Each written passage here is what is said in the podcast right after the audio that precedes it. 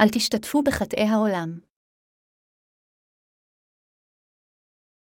אל האפסאים 5.21-14 ובכן לכו בדרכי האלוהים כבנים חביבים והתהלכו באהבה כאשר גאמי המשיח אהב אותנו, והקריב את נפשו בעדנו לקרבן וזבח לאלוהים לריחה ניחוח אבל זנות וכל טומאה, ואהבתה בצע בלי זכר ביניכם כאשר נווה לקדשים גם לא ניבול פה ודברי סכלות ליצנות מהשל כהוגן כי אם כל תבודה כי זאת ידועה תדעו כי חלזונה, וטמא ואוהב בצע אשר כעובד אלילים אין לו.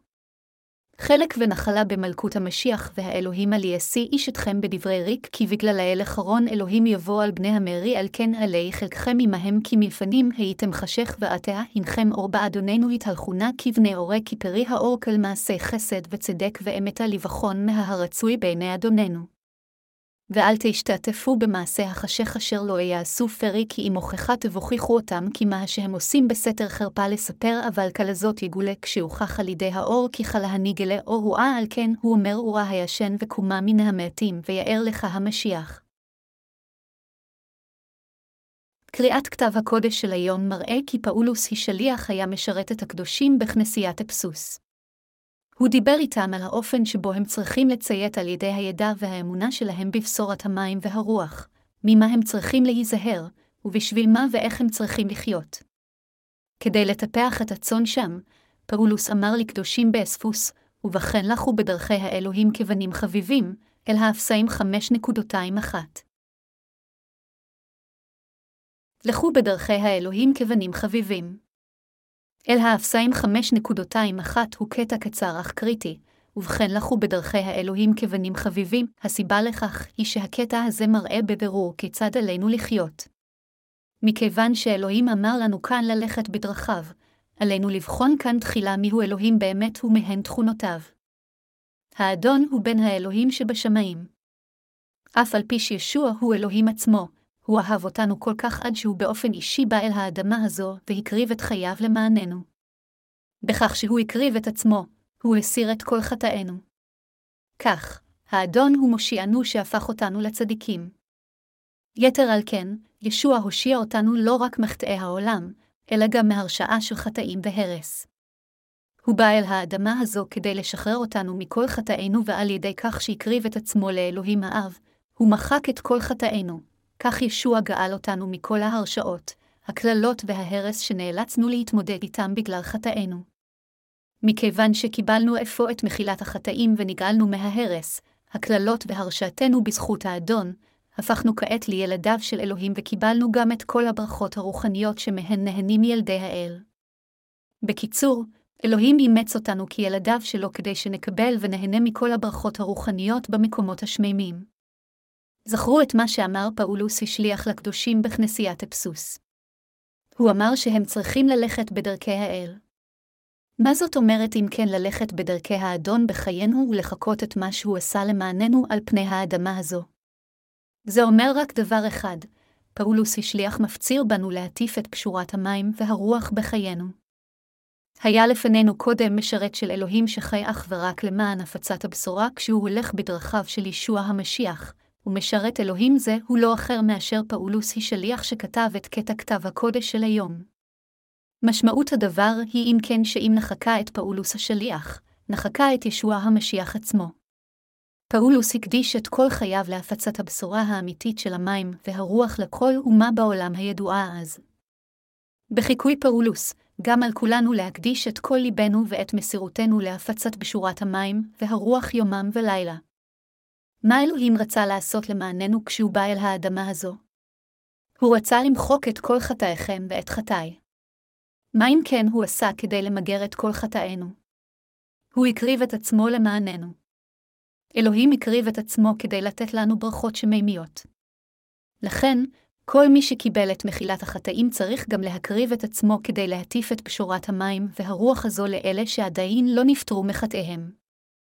בעודו משרת על פני האדמה הזו, פאולוס היא שליח הפציר בצאן מראיתו ללכת בדרכי ישוע המשיח, כדי שאמונתם תגדל. במילים אחרות, פאולוס מלמד אותנו כאן שמכיוון שישוע המשיח הושיע אותנו מכל חטאי העולם ונתן לנו ברכות שמימיות על ידי הקרבת עצמו, גם עלינו להקריב את עצמנו כשאנו הולכים בדרכי האדון למען ישועתן של נשמות אחרות. כעת, לאחר שאתם ואני קיבלנו את מחילת החטאים, תהיה זו טעות גמורה שלא נחיה למען הפצת בשורת המים והרוח. אם אתם ואני באמת קיבלנו את מחילת החטאים על ידי האמונה בבשורת המים והרוח, אז זה רק עניין מובן מאליו עבורנו לחיות למען הבשורה. בהתחשב בעובדה שאנו המאמינים בפשורת המים והרוח קיבלנו את חסדו ואהבתו של אלוהים באופן חופשי, זה רק הולם שעלינו להציע את בשורת הישועה הזו באופן חופשי לכל מי שעדיין לא מכיר את הבשורה האמיתית הזו. אם באמת נושענו מכל חטאינו, זו רק שליחותנו הטבעית להקדיש את חיינו למאמץ זה. עלינו ללכת בעקבות אנשי העולם המושחת הזה. פאולוס השליח אמר גם את המילים הבאות לקדושים בכנסיית אפסוס ולנו כאחד, אבל זנות וחלטומאה ואהבת ביצה בלי ייזכר ביניכם כאשר נבא לקדשים, גם לא ניבול פה ודברי שיחלות ליצנות מהשל כהוגן כי אם כל תבודה. אל האפסאים 5.23-4 באמצעות הקטע הזה, פאולוס היא שליח מפציר בנו לא להתנהל בזימה או לחמוד שום דבר. התנהגות כזו מצופה מהחוטאים שעדיין לא נמחלו מחטאיהם, ולכן זה רק נכון שאנחנו הנגאלים נמנע מכך. עם זאת, אפילו בקרב אלה שהפכו לעמו של אלוהים בימיו של פאולוס, עדיין היו כמה קדושים שביצעו חטאים כאלה. לפיכך, פאולוס מפציר בנו שוב בקטע כתב הקודש של היום, שמכיוון שאנו כבר מאמינים בבשורת המים והרוח, אף אחד מאיתנו לעולם לא צריך לקחת חלק בחטאים שמבוצעים על ידי אלה שעדיין לא נולדו מחדש. כמובן, אין שום ערובה בשום מקום שאנו הקדושים לעולם לא נחיה כמו אנשי העולם. למרות שאנו מאמינים בבשורת המים והרוח, טבע הבשר שלנו עדיין שלם, ולכן זה די סביר עבורנו שנחיה כמו אנשי העולם. אף על פי כן, בכל פעם שאתם מתפתים לחיות כך, עליכם לזכור את מה שאלוהים אמר לכם בפסוק הכתוב של ימינו, אבל זנות וחלטומאה ואהבתה בצע בלי ייזכר ביניכם כאשר נבל הקדשים, אל האפסאים 5.23. קטע זה מראה לנו בבירור עד כמה חשוב לנו לא לבצע חטאים כאלה, משום שהם כל כך מרושעים שאלוהים אמר לנו לא לתת להם אפילו להיקרא בקרבנו. אלוהים מפציר בנו לעולם לא לאכזב את שומרינו מההתחלה, תמיד להיזהר מחטאים כאלה, להתרחק מהם ואפילו לא להזכיר את שמותיהם. במילים אחרות, אלוהים מזהיר אותנו שאם נרשה לעצמנו להימשך ברשלנות לחטאים כאלה אפילו במעט, בסופו של דבר נבצע אותם. חשוב לנו מאוד לשקול ולהבין את הקטע הזה במונחים רוחניים.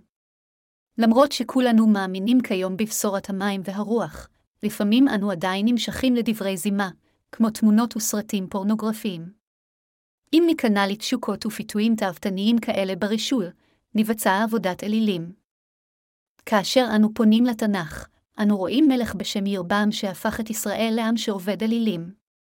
האיש הזה חיפש רק שלושה דברים כל חייו, תהילה, כוח וסיפוק מיני. מה הייתה התוצאה של סטייה מדרך הישר? קודם כל, הוא החליף את אלוהים בעגלי זהובים מתוצרתו. הוא הרחיק לכת והניח את עגלי הזהב האלה במקדשו של אלוהים, השתחווה לפניהם, ואף לימד את עמו שעגלי זהב אלה הם האלוהים שהוביל אותם מעבדותם אל מחוץ למצרים. ירבעם נטש את תורת האלוהים. בעשותו כן, הוא ביקש להשיג את אותה תהילה וכוח כמו אלוהים עצמו. הוא גם שכב עם כל מיני נשים גויות כרצונו. מה מלמד אותנו התיאור הזה של ירבעם כאנשים המאמינים בפשורת המים והרוח כיום? זה מלמד אותנו שמי שנוהג בזנות אין לו שום קשר למלכות האלוהים, ושאנשים כאלה זהים לירבעם בתנ"ך שהחליף את אלוהים אדוני בעגלים מוזבים. למרות שאני מודע היטב לכך שהעולם הנוכחי מלא בחטאים, אני לא לגמרי מכיר את סוגי החטאים שבאמת מתבצעים בימינו. לכן, לפני זמן מה, כדי לגלות אילו סוגים של חטאים משתוללים ברחבי העולם, ביקשתי מאחד האוונגליסטים שלנו במערב אירופה להסביר לי איך המצב בארצו. בתשובתו הוא רשם בפירוט אילו דברים רעים נעשים בארצו, ואני רוצה לחלוק אתכם במכתב הזה. להלן מה שהאוונגליסט הזה כתב לנו. כומר יקר, אני מקווה שזה יעזור לך. הרבה מהדברים שכתבתי כאן אינם נסבלים בחלק ממדינות אירופה, אבל כל עוד הם נעשים מראש מחוץ לטווח הראייה של הציבור, אז הכל הולך. במיוחד כאן בהולנד, אין כמעט חוק נגד חטאים. הומוסקסואליות למעשה מקבלת עידוד. הומוסקסואלים ולסביות נשואים באופן רשמי. ועכשיו הכנסיות מצאו דרך לברך את נישואיהן. מכיוון שהם נשואים באופן חוקי לפני חוקי הארץ, הממשלה אומרת שהכמרים יכולים לבקש מאלוהים לברך את הנישואין. ממשלת הולנד מונהגת ברגע זה על ידי מפלגה נוצרית שזה עתה הכניסה הומוסקסואלים להנהגת מפלגתם. לממשלה יש גם אמירה באופן שבו הדברים נעשים בכנסיות. היא גם מחליטה מה מותר לכנסיות לעשות ומה אסור לעשות, מה מותר להן לומר ומה אסור להן לומר. גם זוגות הומוסקסואלים וגם זוגות לסביות מורשים לאמץ ילדים. זנות היא חוקית. לזונות יש רואי חשבון שיעזרו להן למלא את החזרי המס שלהן. והכסף שהממשלה מקבלת ממס ההכנסה שלהם נכנס לאוצר הממשלתי כדי לעזור לשלם עבור קרקעות, חינוך, בתי חולים וכדומה. זה גם עוזר לשלם לאנשים שעובדים בארגונים ממשלתיים. יחסי מין עם בעלי חיים אינם בלתי חוקיים, זה הופך להיות בלתי חוקי רק אם ניתן להוכיח שהחיה סבלה. יש כמה מקומות שבהם זה נעשה, באמסטרדם, דן האג ורוטרדם. זה גם לא חוקי לשים את התמונות של האקט המיני באינטרנט. סמים הם חוקיים. בתי הקפה שבהם נמכרים הסמים באופן חוקי משלמים גם הם מס הכנסה לאוצר. אני לא חושב שיש עיירה או כפר אחד בהולנד שאין בו בית קפה מקומי. ילדים כאן מכורים מגיל 12. זה אותו הדבר גם לגבי חוקי האלכוהול, יש כל כך הרבה ילדים אלכוהוליסטים. הפלה היא חוקית. הולנד כל כך גאה בספינה שיש להם, היא נוסעת ברחבי העולם ומציעה הפלות לאנשים בארצות שבהן היא אסורה. הספינה נשארת מחוץ לגבול 12 המיילים של המים הבינלאומיים, ושם הם מבצעים הפלות מקדימות. זה ממומן גם מהמיסים שהממשלה גובה, והחטא הזה מאושר כאן בהולנד. פורנו הוא חוקי, זה מכניס כסף גדול עבור האוצר. המתת חסד היא חוקית. במקום שבו בתי קלאודיה עובדת, היא התבקשה לתת זריקות של המתת חסד. היא סירבה בנימוק של אמונתה. אבל היא משלמת את המחיר על אמונתה. אסור לה להמשיך הלאה בקריירת הסיעוד שלה. נישואים רגילים מתקיימים בבתי העירייה של השלטון המקומי שלנו. הדבר הראשון שבני הזוג מתמודדים איתו הוא ההליכים המשפטיים לגירושין, ויש אפילו חברת ביטוח שבה אפשר לבטח מפני גירושין. כאן תוכלו להוציא חוזה משותף המאפשר באופן חוקי לזוגות לחיות יחד ללא נישואין, כך שכאשר הם נפרדים אין צורך בהליכי גירושין. ייתכן שהחטא הגדול מכולם הוא שהכנסיות מעלימות עין מכל החטאים האלה. הכנסיות כאן לא מעזות להתבטא נגד זוועות כאלה, ומכיוון שהכל חוקי ומאושר על ידי הממשלה, כל מה שנאמר נגד הנ"ל מסווג כאפליה. אפליה כאן היא הדבר היחיד שאינו חוקי. כאשר אנו מנסים להראות בדבר האל שחטאים אלה הם תועבה לישוע, אנו מואשמים באפליה. ובכך, לממשלה יש זכות משלה לסגור את הכנסייה הפוגעת. מכיוון שמותר לכל האמור לעיל לקרות, הכנסיות נאלצות להיכנע ולקבל את חוקי המדינה ולאפשר לחטאים אלה להיכנס לכנסייה. אני מקווה שזה יעזור לך. כשאני רואה כיצד אלוהים מוציא את אנשי הזימה האלה מהכנסייה שלו, אני יודע שהדברים האלה הם תועבה עבורו. אם אתה צריך מידע נוסף, רק תודיע לי. במשיח. עמיתך לעבודה בהולנד. איך אתם מרגישים לגבי המכתב הזה? האם הייתם אוהבים אם זה היה חוקי במדינה לאנשים להחזיק בנשק חם? האם הייתם אוהבים אם המדינה שלנו הייתה הופכת את המריחואנה וסמים אחרים לחוקיים? האם הייתם אוהבים אם המדינה שלנו הייתה מכירה חוקית בנישואים חד-מיניים כנישואים חוקיים? אני בטוח שרובכם הייתם מתקוממים. כמובן, זה לא לגמרי לא מתקבל על הדעת עבור חלק מאיתנו לחשוב שזה יהיה בסדר להכשיר חטאים כאלה כי הם כיום פליליים. אחרי הכל, לכל אחד יש חופש מחשבה. אך רובנו חושבים שאם חטאים כאלה יאושרו, הרי שהרשעות שדוכאה תצא באופן טבעי החוצה, תיצור עוד יותר רשעות בעולם, תיצור עוד יותר בלבול, תגביר עוד יותר את הבלבול, תהפוך אנשים לחסרי רגישות לחטאיהם עוד יותר, וכתוצאה מכך תקשה עוד יותר על דבר האל להיכנס לליבם. לפני כמה ימים קראתי בעיתון על נשים בגיל העמידה בשנות ה-40 ואפילו ה-50 לחייהן שמציעות את עצמן לזנות בפארקים שבהם ביקרו קשישים. נשים אלה, שזכו לכינוי דודות המשקאות הקלים, על ידי התקשורת על כך שהציעו משקאות קלים כשהן מתקרבות ללקוחות פוטנציאליים, התמקדו בקשישים בודדים שטיילו בפארק כדי להעביר את הזמן. בפארק מסוים אחד בסיאול לבדה, ההערכה היא שיש יותר ממאה דודות של שתייה קלה. למרות שזנות אינה חוקית בקוריאה, היא חוקית בהולנד. אולם במציאות, חטאים כאלה משתוללים בכל רחבי העולם, בין אם הם חוקיים ובין אם לאו.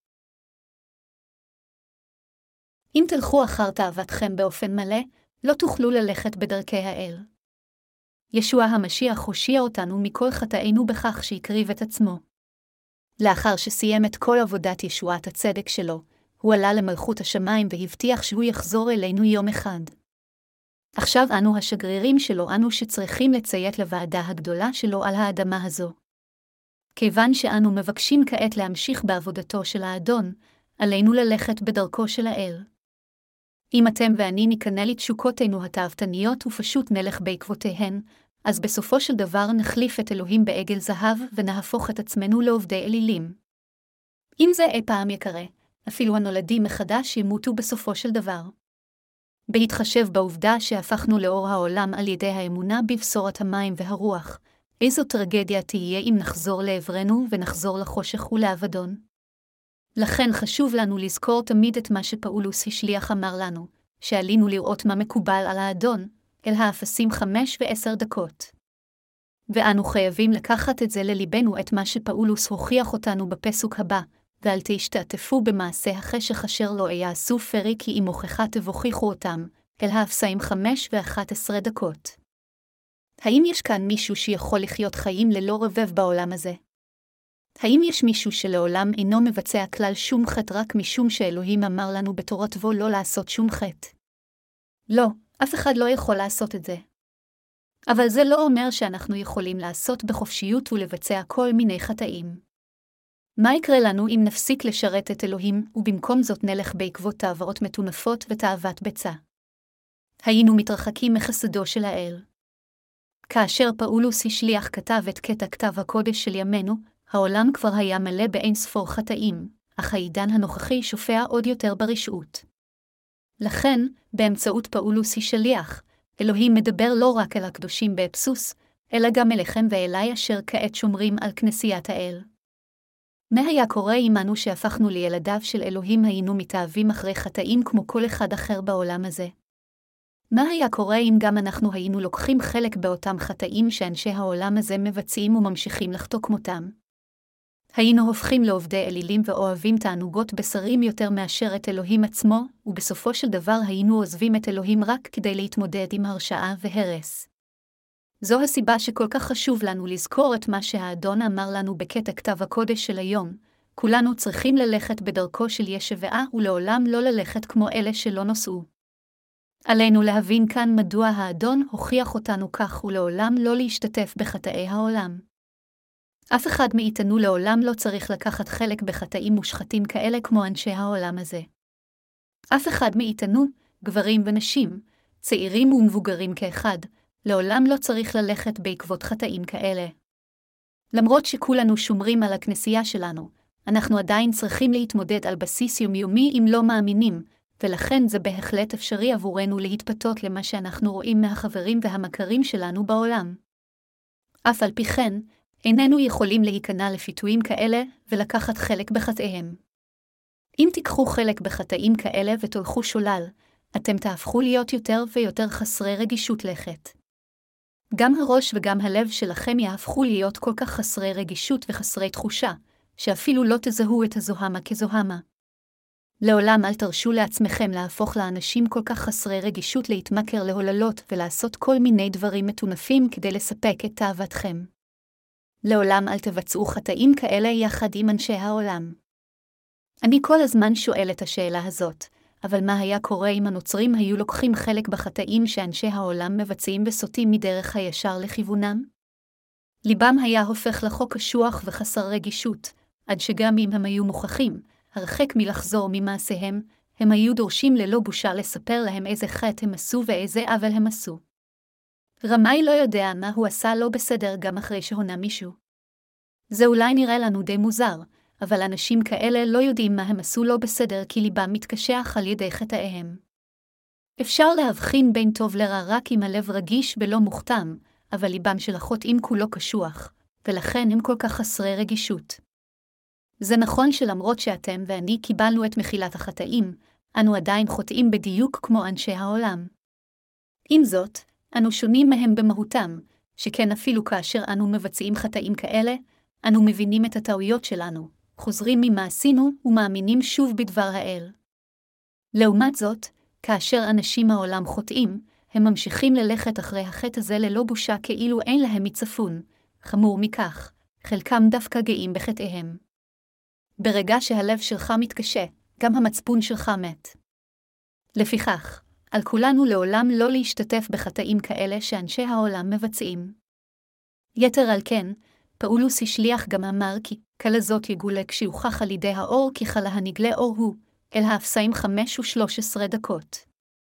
משמעותו של קטע זה היא שכאשר אנו עצמנו איננו מודעים לכך שאנו הולכים בחושך, הכנסייה חושפת זאת עבורנו, וכתוצאה מכך, אנו מכירים בכך שסטינו מדרך הישר, ומכיוון שאנו מודים בכך, אנו מסוגלים שוב לבוא אל האור ולחזור אל המשיח על ידי האמונה בבשורת האמת, ולומר, אדון, תודה לך על מחקת גם חטאים כאלה.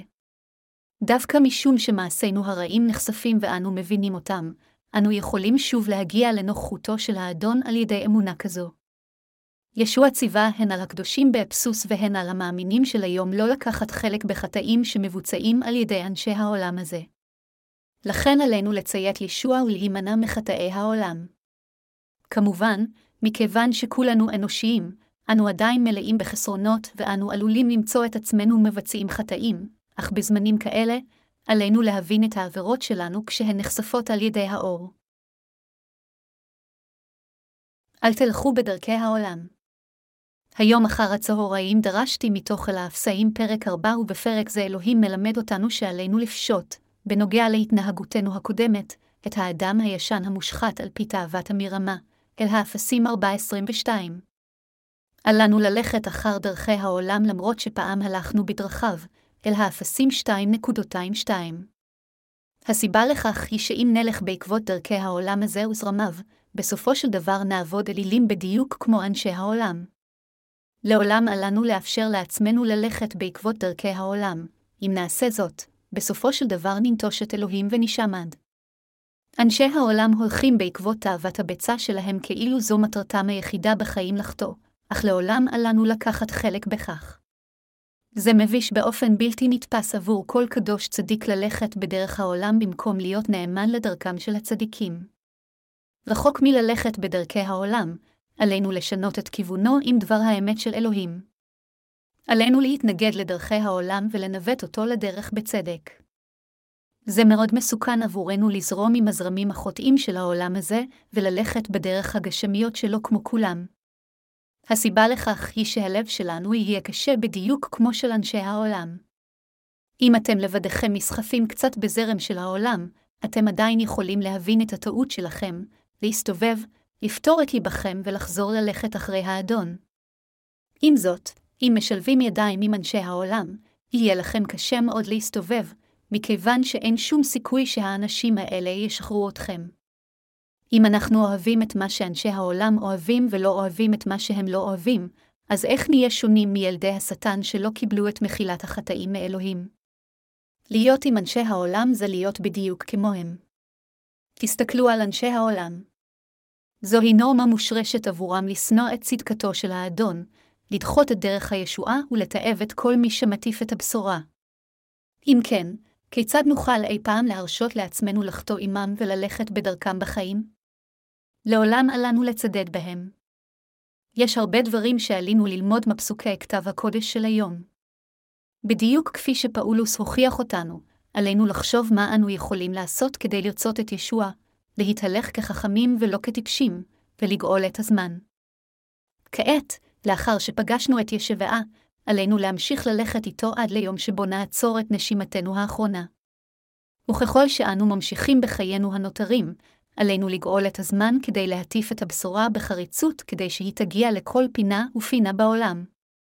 בבוא הזמן, העולם הזה יהפוך לבלתי ניתן למחיה, ולכן לפני שזה יקרה בפועל, עלינו לחשוב כיצד עלינו להתנהל כדי לחיות בחוכמה ולגאול את הזמן שיש לנו כעת. האדון אמר באפסים ה-21, 15, ואת תערעו והיזהרו של תתהלכו ככסילים, כי אם כחכמים מוכירים השעה, כי הימים רעים המהה על כן אל תהיו חסרי דעת, כי אם מבינים לדעת מה רצון אדוננו, ואל תסתכרו מיין המביא לידי פריצות, כי אם הימלאו רוח, ותהי שיחתכם איש את רעהו תהילות ותשבחות ושירות רוחניות שירו, וזמרו לאדוני בלבבכם, והודו בחלאת על הכל לאלו. ים אבינו בשם אדוננו ישוע המשיח יקנאו איש לאחיו ביראת אלוהים. מהם בדיוק חיים חכמים באמת. בימיו של פאולוס היא שליח, אפסוס הייתה עיר דקדנטית ידועה לשמצה. עיר זו הייתה ממוקמת על שפת הים של דרום-מערב טורקיה. בימיו של פאולוס, עיר זו הייתה משגשגת מאוד ומפורסמת גם במקדש ארתמיס שלה ובמקדשים שונים אחרים של עלים יוונים, מעשה השליחים 1935.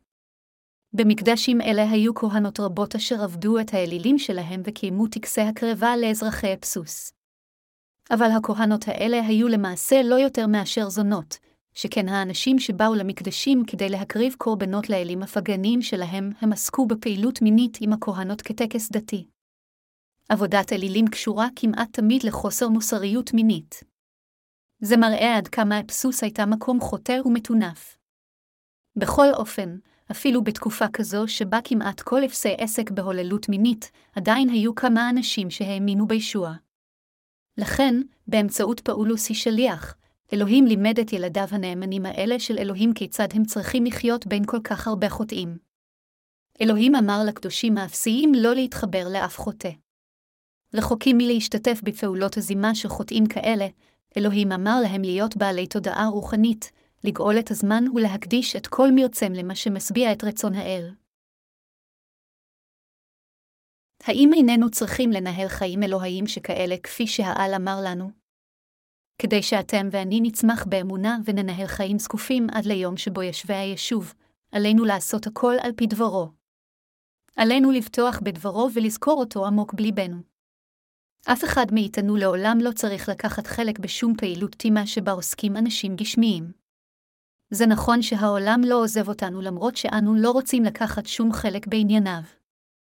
כל עוד אנו חיים בעולם הזה, זה בלתי נמנע עבורנו להתמודד עם אנשים גשמיים בדרך זו או אחרת, ובכל פעם שאנו עושים זאת, זה טבעי עבורנו להיות מושפעים ממעשיהם החוטאים. לכן חשוב לנו עוד יותר לזכור את דבר האל בליבנו ולהתרחק מכל המקומות החוטאים. למרות שקשה לעמוד בפיתויים גשמיים, כולנו יכולים להתגבר על הפיתויים האלה על ידי אמונה מכיוון שהכל רגעי ושום דבר שלא ניתן להתגבר עליו לפני תקוותינו למלכות השמיים. מתבגרים צריכים להיות זהירים במיוחד.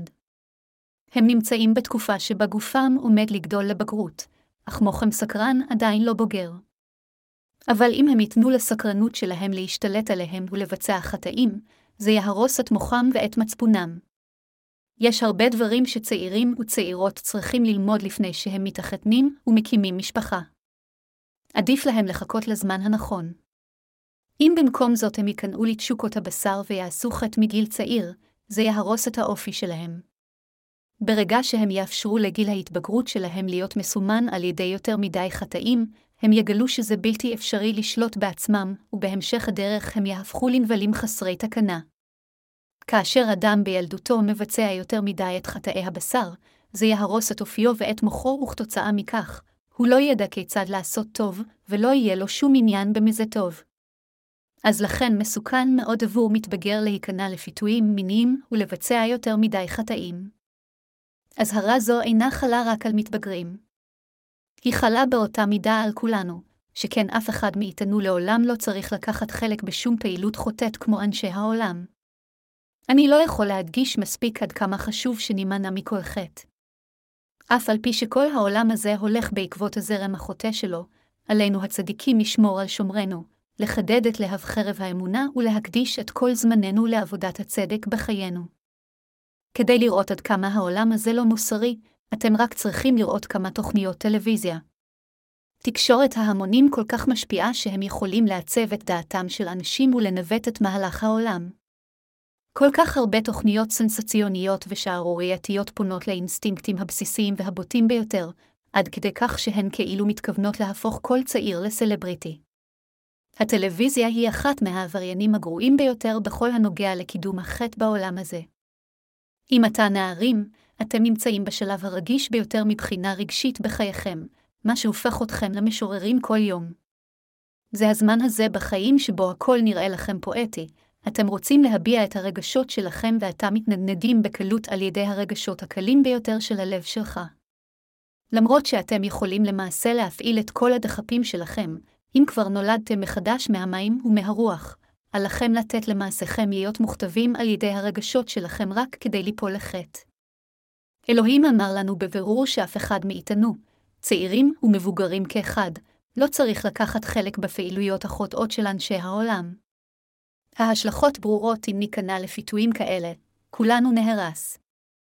האנשים הגשמיים שלא נולדו מחדש כבר נועדו להיהרס, ולכן אין סיבה שנבקר אותם על כך שביצעו כל מיני חטאים כדי להבטיח את שגשוג הגשמיות שלהם. עבורם, הבטחת שגשוג הגשמיות באמצעות כל אמצעי חוטא היא עצם הברומטר להצלחה. עם זאת, הדרך שלנו שונה לחלוטין מהדרך שלהם. לכן אם נרשה לעצמנו להיסחף על ידי מהלכי העולם, נהרוס את עצמנו.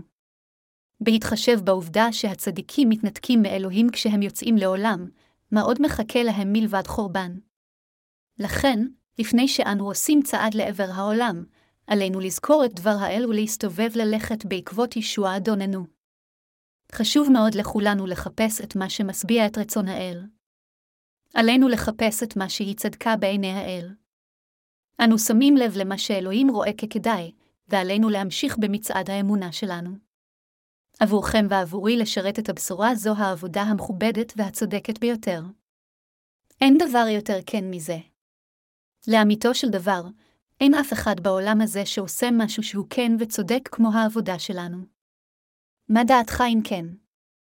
כעת, לאחר שקיבלתם את מחילת חטאיכם, האם אתם באמת מנהלים חיים מוסריים?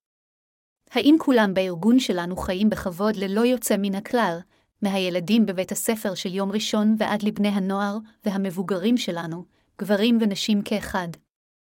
להיות מנומס היטב ולדבר רך לא בהכרח אומר שהאדם מנהל חיים מוסריים. אחרי הכל, כאשר אנו מבצעים את עבודתו הצודקת של האדון, לעתים קרובות עלינו להיות קולניים מאוד ואף לצאת למאבק נגד משרתי השטן. חבריי המאמינים, למרות שהעולם נסחף בגל חטאים מסתחרר, אנו חותרים קדימה נגד הזרמים הבלתי פוסקים של החטא על ידי חתירה של צדק. כמו דג סלמון שחוזר לנהר הבית שלו באינסטינקט, אנחנו הצדיקים חוזרים לאלוהים.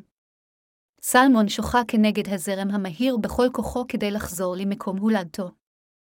הסיבה לכך היא שזהו האינסטינקט של הסלמון להשריץ ולמות במקום הולדתו.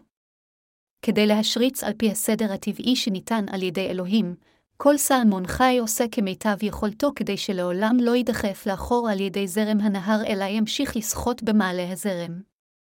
כך, אתם ואני לעולם לא נסחפים על ידי הזרם החוטא של העולם, שכן אנו הנוצרים שנולדו מחדש. אנו פשוט ממשיכים לחתור קדימה לביתנו השמיימי במלכות אלוהים.